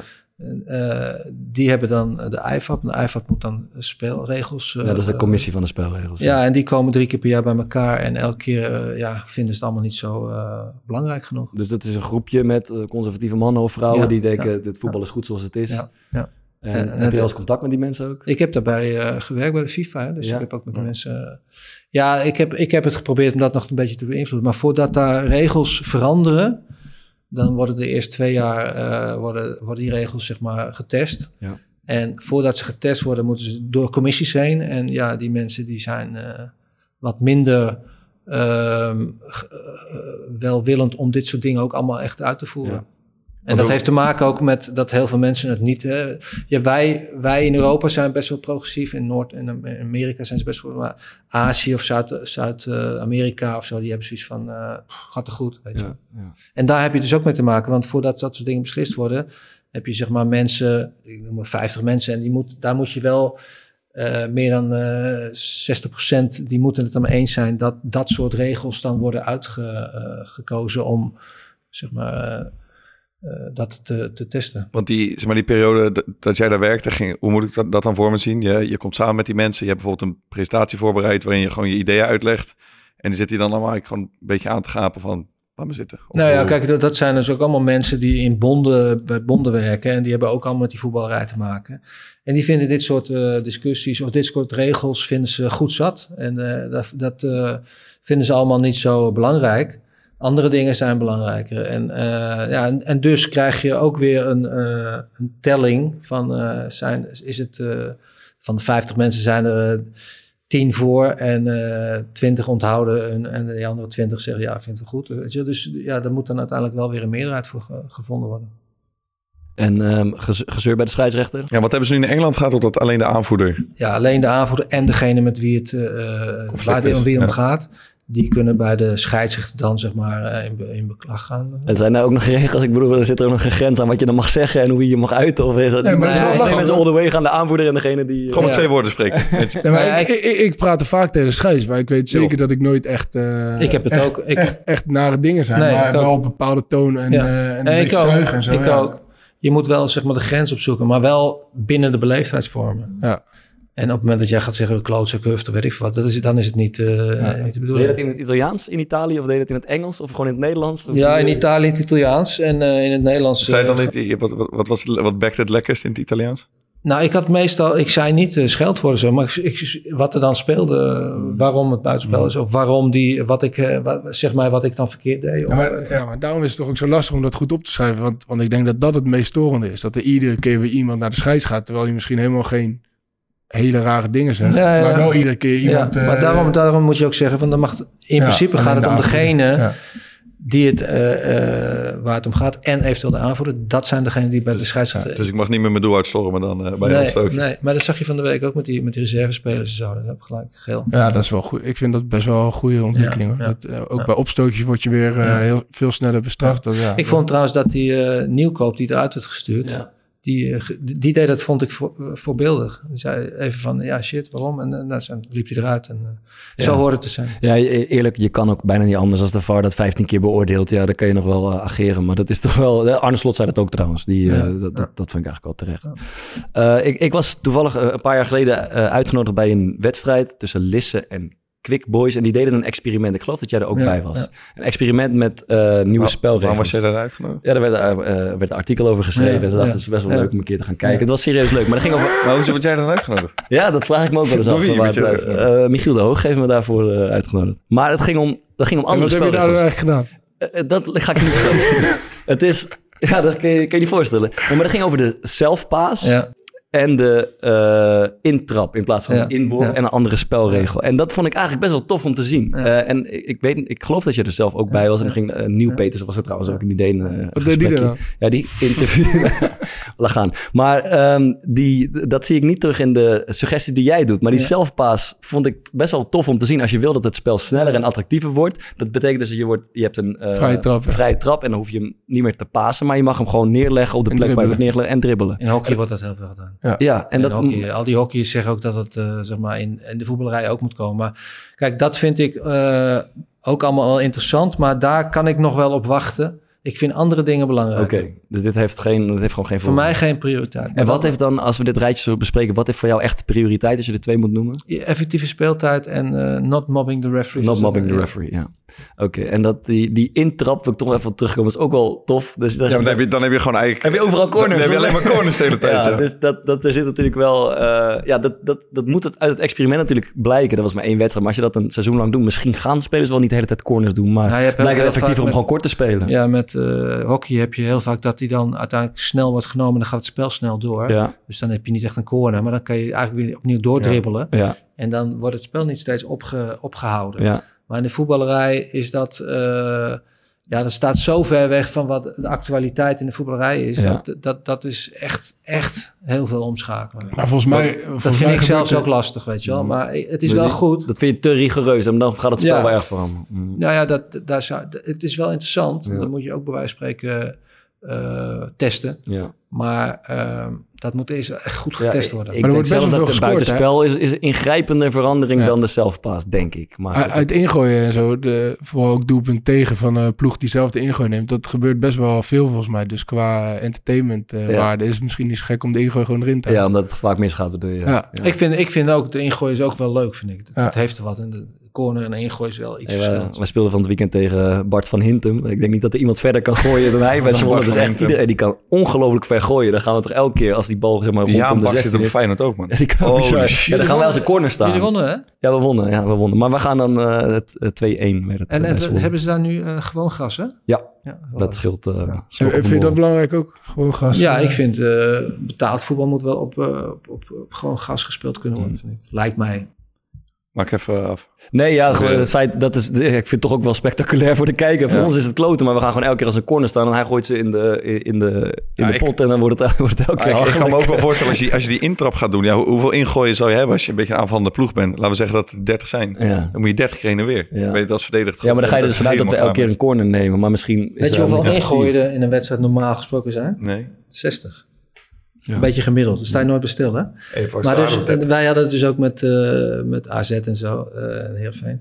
Trainde ik ook te ingooien. Ja. Omdat als je eh, ingooit en je hebt een goede manier om vrij te lopen, Ja. scheelt dat al 60 keer een voordeel. Ja. En ook, ook in verdedigend opzicht. Als je het goed snel organiseert, dan staat de tegenstander vaak vast. En dan heeft de tegenstander ook weer een nadeel. Dus het zijn van die hele lullige dingen. Maar als je dat eh, elke keer doet, dan Ja. krijg je daar in een wedstrijd op een gegeven moment ook een doelpunt uit of een kans uit. de- deden jullie bij Maurice Stijn niet die variant? ehm, toen ik hem bij VVV had, had je Danny Post, die is nu bij Almere, zit die Ja. hele grote middenvelder. Die kwam dan erin eh, en die zette dan even zijn lichaam. Nou, er is geen speler in Nederland die hem dan, zeg maar, die, die voor hem kan blijven. Dan werd hij zo aangegooid met een klein boogje en die volleyde dan, dan gewoon de hoek in, of diep. En dan ging of kwam hij bij Ralf Seuntjes uit, of Vito van Krooi, die ging dan als een blinde Maar zo, dat zijn allemaal van dat soort Ja. patronen die je heel makkelijk eh drinken. En dat werd gewoon op een gegeven moment, werd, dat werd echt lastig, zeg maar. eh, te Hij speelde bij verdedigen. Almere City. ja. Almere Ja, City, ja, ik, weet, ik weet dat wij dat, in de, dat dat bij ons in de bespreking al terugkwam. Die ingooi van VVV. Hm. Dat is tegen jullie speelden. In die postje. Bij ons ook. Eh, hebben jullie toevallig nog re- regels waarvan je denkt dat dit moet veranderen in het voetbal? Of dit, dit, is- dit zou een Nou, ik, idee ik, zijn? zou, ik zou die. ehm, eh, waar ik zelf echt het, het kwaadst van word, is Mhm. als wij eh, een, bijvoorbeeld een counter hebben en je breekt uit. En dan wordt iemand zeg maar rond de middenlijn even aan zijn shirtje getrokken. En dan is zeg maar die hele aanval eruit. En iemand houdt die bal vast en die gooit het met een boogje terug en die gaat ervoor staan.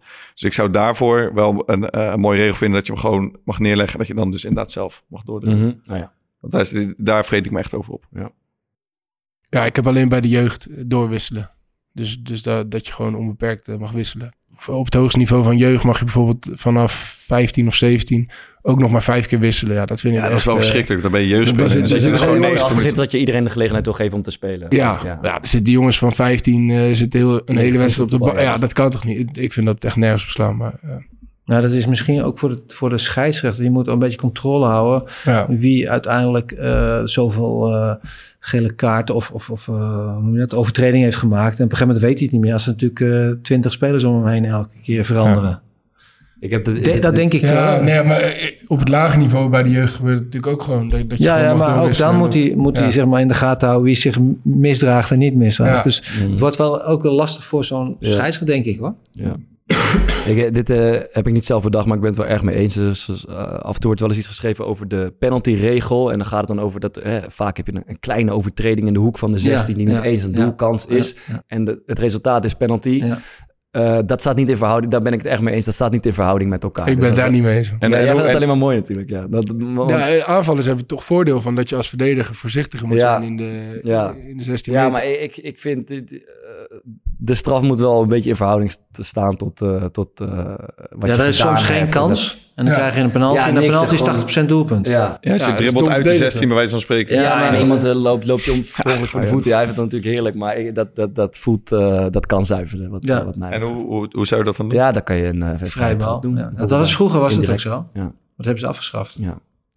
Nou, En dat was ook, ik, met Boban zat ik toen in, eh, bij FIFA. En die, eh is Boban? Boban, Sonny met Boban, die is- heeft ook bij Milan gespeeld. Die Ja. zat, ook bij de, die zit nu bij de UEFA, die zat toen bij de FIFA.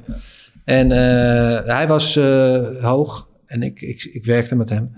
En eh, toen zei ik dus ook van, eh, gewoon vrij bal. Nou, nou, die werd helemaal boos. Ja, tuurlijk. Ja, ja, tuurlijk. Eh, even iets algemener. Hè. Ehm, vind jij het ook... We hebben het over entertainment, hè? dus dat, dat voetbal leuk moet zijn. Vind je dat eigenlijk ook de taak van spelers op het veld? Dat ze het zo leuk en aantrekkelijk mogelijk moeten maken? Of is dat, moeten we dat aan de regelgevers? Kijk, het is zo dat eh, voetbal is een... betaald voetbal is een product wat aan, de, aan het publiek wordt getoond. Mm. En het publiek eh, heeft daar veel geld voor over om te kijken. En de televisie betaalt ervoor. Dus komt heel veel eh, komt daar binnen. En de voetballers moeten beseffen dat het een, een, eh, eh, spannend is. En dat het eh, leuk is. En dat het ook om competitie gaat. Maar het gaat ook om geld verdienen. En het geld verdienen, dat doen ze door middel van heel veel televisie. Mhm. heel veel kijken ze in het stadion. En merchandising en alles soort dingen. Daar halen ze geld van uit. Dus op het moment dat het voetbal niet meer leuk is, gaan mensen zich uiteindelijk tegenkeren en Ja. die gaan niet meer kijken. Dus je moet wel als, als voetballerij beseffen dat hetgene wat het, wat het nu allemaal goed is, dat het ook eh, anders kan. Ja. Als het, het voetbal op de verkeerde manier doorgaat Ja. en eh, mensen die keren zich eh, tegen het voetbal, want het is onsportief, het niet meer leuk, het is niet meer netjes om te kijken, bla bla. Dan eh, loopt het een risico dat zometeen de televisie gaat zeggen: ja, we gaan hier niet meer zoveel geld voor geven. Ja. Merchandising loopt terug, ticketing loopt terug. Nou ja, en dan gaan alle salarissen, enfin, er is nog zat, maar dan krijg je dus wel Mhm. Ja, dat maar dat. verdient genoeg, hoor. Nou, ja, nee, maar dan gaat dat dus de verkeerde kant op. Dus je moet als eh, voetballer daar ook Ja. wel bewust van zijn. Maar zie je dat echt als re- reële bedreiging? Dat het publiek zich tegen het voetbal keert? Een bedreiging, ja, het, het kan wel een gevaar zijn. Want als, als zeg maar de, te veel wedstrijden zijn waarin mensen zich lopen te irriteren aan het gedrag van voetballers bijvoorbeeld. Dan, eh, dan gaan mensen op een gegeven moment andere dingen doen. En eh, dan worden stadions langzamerhand leger. En wordt de, de commercie minder interessant. En dan gaan eh salarissen gaan naar beneden. Dus eh, En, en was je daar toch nog even als trainer, was je daar eigenlijk ook mee bezig? Dat je, dat, dat, dat je tegen je team zei, eh, eh, probeer mooi te sp- speel aantrekkelijk. Dat je wil dat je team aantrekkelijk speelde, maar ook zeur niet tegen de scheidsrechter en, en, eh, gedraag je een beetje Nou, normaal. Wilde- was, het ging toen toch vooral over winnen en resultaat. Ja, ja, maar het gaat wel natuurlijk altijd om winnen. Alleen je moet wel eh, binnen de lijntjes blijven. Dus je moet wel fanatisme en, en emotioneel zijn. Alleen wel binnen de lijnen. Ja. En dat moet kunnen. En dat kan ook. Alleen ja, dat werd de laatste jaar, vind ik. En dat, je had van de week had je ook weer zo'n wedstrijd van Barcelona tegen Getafe. Weet je, dat liep weer echt ouderwets Ja. uit de hand. En eh, ja, dus het is uiteindelijk de regelgeving en de scheidsrechters die bepalen van tot hier en niet verder. En die scheidsrechters moeten daar een belangrijke rol in spelen. En als speler heb je daar ook eigenlijk wel een plicht in. Maar als speler wil je winnen, ten Ja. koste van alles. En, en dus moeten die regels daarin moeten echt aangescherpt worden. Zodat je die spelers ook wat dat betreft daarop kan aanspreken. Ja. En ook op straffen kan. Ja, dat ligt misschien ook nog wel, ik weet niet hoe jullie dat zien, maar dan nog meer bij een trainer. In de zin dat je, eh, je trainer verwacht gewoon dat je alles doet om te winnen nu. En als je dat niet doet, dan is het goed, maar dan kan, je gaan Ja, zitten. maar daar heb je natuurlijk ook met z'n allen wel een bepaalde verantwoordelijkheid voor. Want de trainer kan, eh, kan wel op zijn kop gaan staan. Maar jij moet je uiteindelijk wel als voetballer normaal blijven gedragen. Mhm. En eh, dat zal de trainer ook willen. En ja, als je met vals spel kan winnen, is het, is het zeg maar, wordt het geoorloofd. Maar dat Mhm. houdt natuurlijk niet lang vol. Want vroeg of laat wordt dat gezien en dan, eh, ja, dan, dan eh, ben je verder van huis. Ehm, tot slot, jij, jij wil nog iets... eh, Ja, ik, ik, ik, ik, ik vroeg me nog één ding af. Ik, Denk, ik, ik wil die vraag toch stellen. Dat, dat hele Pulisic-fragment. Pulisic? ja, kun je, dat, kun je dat nog heugen? Op een gegeven moment was het was richting het WK en werd jou de vraag gesteld wie is de beste speler van Amerika? En daar gaf jij het antwoord op. Of je, je raakt eigenlijk, als ik een metafoor kan maken, ik heb eh, in de zesde heb ik een mondeling gedaan voor Nederlands. Maar daar heb ik me een soort van doorheen gebluft. Mhm. En dat gevoel kreeg ik zeg maar ook eh, bij, bij dat fragment. Dat je eigenlijk niet zo goed wist toen wat je moest zeggen. Of wie precies zeg maar, de beste speler was. Maar je doet dat toch een soort van heel vaardig. Bluff je daar best wel leuk zeg maar, speels doorheen. Dus ik vroeg me af, is dat iets wat... eh, ja, st- staat daar nog iets van bij? Of is dat nu, zeg maar, nu ik dit oprakel, dat je denkt... Ik weet nog god niet waar het Ik, weet, ik weet echt niet waar het over hebt. Hij heeft een goede techniek, Hij hij, kan heeft een goal goede maken. snelheid, hij kan een goal maken, hij heeft ook een goede voorzet. En het, en het, komt- het komt zeg maar over alsof je dat ter plekke verzint. Ik, ik, ik sluit niet uit dat het zo is. Ja, dat kan best. Ja, dus dat is ook, dat is ook de... Dat gebeurt ook. Af en toe is een beetje onzin ook prima. Ja, het is mij niet uit te leggen. we, zijn, we zijn natuurlijk nu vijf kwartier bezig. Maar eh, er is ook heel veel onzin. Dat, dat ga je vanzelf wel merken. Ik moest het toch hebben, want het is... eh, je, je, je zal er vast niet op zitten, maar je hebt nu... Je hebt natuurlijk Instagram, je hebt TikTok, dat zijn er van die apps. En dus één zo'n fragmentje daarvan, dat is een beetje viraal gaan. En dan reageren mensen zeg maar eronder in wat voor... eh, waar die houding bij past. Dus dan zie je allemaal mensen eh, sturen van... Nou, dit ben ik. eh, als ze bij mijn eh, afrijden vragen waarom ik die oude vrouw niet heb gezien. of eh, ik tijdens mijn Nederlands Ja, mondeling. Dat is ja. zeg maar onder zo'n jonge generatie met me gaan leven. Dus dat, eh, Af en toe moet je er doorheen bluffen, ja. Hij is, hij is gered. hij is gered. Oké, ehm, we, we, we sluiten altijd af eh, met, met eh, rondje aanraders eh, van de, van de week. Ja. dat heb je ook gevraagd en je hebt wat, wat dingen Ik ingestuurd. ja. Ja, ik ben benieuwd. Wat is de... Oh, de dat moet eerste- ik nu gaan zeggen. Ja, en we eindigen met het liedje, die komt later, maar nu de, de film die je hebt. De film, ja. Ik heb recentelijk die film gezien van Mijn Vater en Mijn Moeder. Of Onze Moeder, Onze Vater. En dat vond ik wel een hele mooie film. Het ging over de Tweede Wereldoorlog. En eh, het, was, het mooie was dat het uiteindelijk uit de ogen van Duitsers werd eh, gefilmd. Dus wij hebben natuurlijk eh, die Tweede Wereldoorlog zeg maar, meegemaakt en gehoord en weet ik veel allemaal. Dus dan denk je eigenlijk altijd alleen dat die Duitsers natuurlijk allemaal slechterikken zijn. Maar heel veel mensen die daar dus in Duitsland zelf ook nog onder hebben geleden, Ja. onder het regime, dat vond ik wel echt een, een eye-opener. En waar, waar heb je het gezien? Netflix? eh, Thuis, is het thuis? ja, bij eh, volgens NPO volgens mij. Oké. Mooi. Ja. Eh, Thomas? Ja, ik, ik had vorige week Maarten natuurlijk een beetje op het kast gejaagd over boeken lezen en zo. Dus Je hebt een, boek, je hebt een boek gelezen. Niet je netjes. Dus ik dacht, ik ga, ja, nou nee, niet mijn excuus aanbieden. Maar ik dacht misschien heel is veel, het heel veel om, om, gehad van mensen. om, om een boek eh, aan te raden. Dus eh, dat ga ik natuurlijk niet doen. nee, ja, ik, ik had eigenlijk verwacht dat jullie vorige week wel eh, met deze aanrader zouden komen. Ik ben eh, een tijdje geleden, paar weken geleden, in mijn eentje naar de film geweest natuurlijk. En Oh ja. eh, naar eh, Oppenheimer, de nieuwe film van eh, Christopher Nolan. En hij is niet echt à la Christopher Nolan met allemaal plot twists en weet ik het wat. Maar het is echt, ja, het is zo mooi om naar te kijken. En ik zou ook zeker aanraden om naar de beste bioscoop te gaan die, die, die, die je kent. Want het is echt fantastisch. Beelden, geluid, eh, muziek er- ertussen. Het is echt een mooie film. En het is een, ja, het, is een mooi verhaal en fantastisch geacteerd. Dus Ja, zo. Peaky Blinders Boy. Als je, als je, ja, ja, speelde zo goed. ja. alle, alle acteurs eh, die, die, die bij Nolan eh, vaak eh, terugkomen, die zijn ook weer van de partij. Dus het is echt eh, een fantastische film. Dus als je nog niet bent geweest, zou ik eh, zo snel mogelijk gaan. Mhm. Mooi, mooi. Ik was ehm, van de week in de, in de Feyenoord fanshop. En dat was niet om een hele leuke reden. Want eh, de, de vader van mijn beste vriend is afgelopen weekend overleden. En dat was een, een, een diehard Fey- eh, Feyenoord fan. Ehm, dus ik ging een, een aantal Feyenoord shirts kopen. En die wilde ik laten bedrukken eh, met zijn naam. Alleen het probleem was, blijkbaar lopen die shirts, dat gaat keihard. Dus eh, de letter A was er niet meer. Die hadden wel nodig zeg om zijn naam te spellen.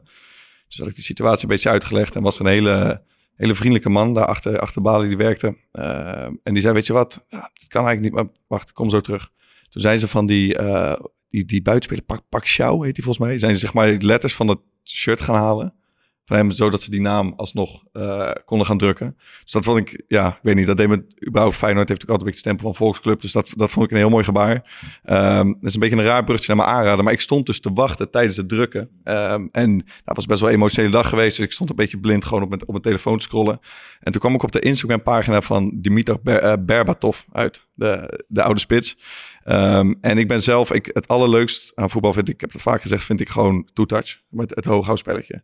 En hij is, eh, ik wist niet dat hij, dat hij daarom bekend stond, maar blijkbaar mis- Mr. First Touch is Ja. het eh, in Engeland. En hij heeft een aantal eh, video's. En hij, dat noemt hij dan bijvoorbeeld de ball and the wall. En dat is dan zijn zomerhuiswerk. En dat, dan geeft hij zelf commentaar. En dan is hij een soort trainingsvorm aan het doen in zijn tuin, waar dan zo'n gehoekte muur staat. En dan gaat hij uitleggen hoe je het steeds moeilijker kan doen. Dat doet hij ook even heel achterloos. Ik denk een keer of dertig met, twee, met, met allebei zijn benen de bal tegen de muur spelen, in de lucht houden, de andere kant op. Super achterloos. Eh, maar hij heeft ook aan een soort van experiment meegedaan, waar ze zo'n zo'n ballenkanon, wat ze wel eens bij keeperstraining gebruiken, eh, die schiet ze dan zo hard mogelijk om te kijken waarmee hij zeg maar, de bal kan controleren dat hij hem in de lucht houdt. En op een gegeven moment schiet ze hem 106 km per uur. En dan tikt hij hem zo heel rustig met zijn binnenkant en dan gaat hij omhoog en heeft hij hem onder controle. En er zit, er zit nog één geweldige video bij dat hij, eh dat spelen ze uit bij Fulham. Ehm, en dan is er een beetje een wilde bal en die wordt dan helemaal over de hele gespeeld. En die gaat, gaat knijtertje hoog en dan neemt hij hem zo heel achterloos aan. En dan hoor je zo dat hele stadion hoor je zo... Ah, heel mooi. Dus ik zou, eigenlijk- mijn tip is gewoon om even naar zijn Instagram pagina te gaan. En daar gewoon lekker ja. tussen zijn eh video's te scrollen. Goeie tip. Ja, toch? Ja, zeker. Mooi.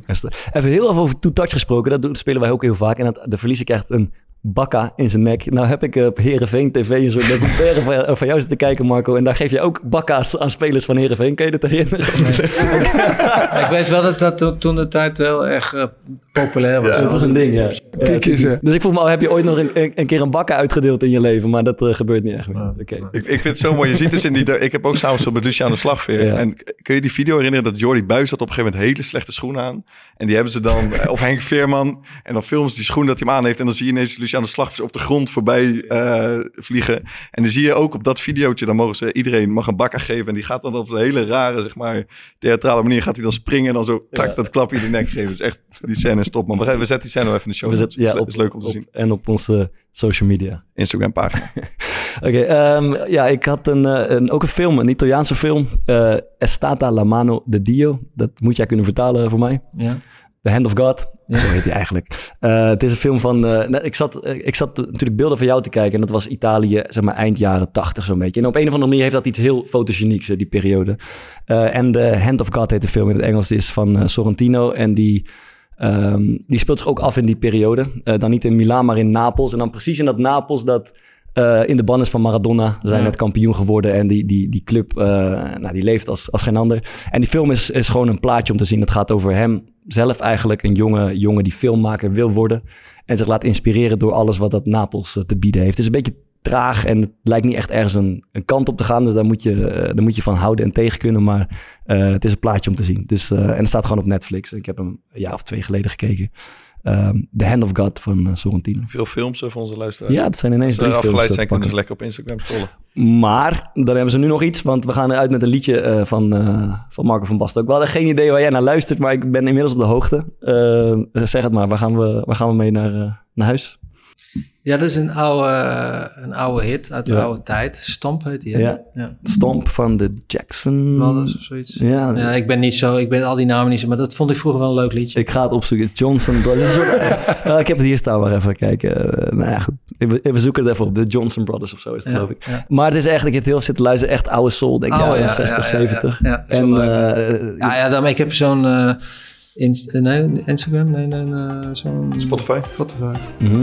Ja, dat heb ik zo'n Ja. zo'n nostalgie heet dat dan allemaal, eh, Ja. allemaal oude nummers en zo. Dus dat, daar staan allemaal van dit soort nummers op en dat Ja. vind ik wel leuk. En Albert, als jij muziek luistert, dan gaat het een beetje richting de soul hoek. Nee, nee, ook wel van, eh, van nu en ook wel Nederlands, maar ook wel Engels, Italiaans, alles door elkaar. En ja, dit is er eentje van. En dit is uit de oude doos, dus wel leuk. Lekker.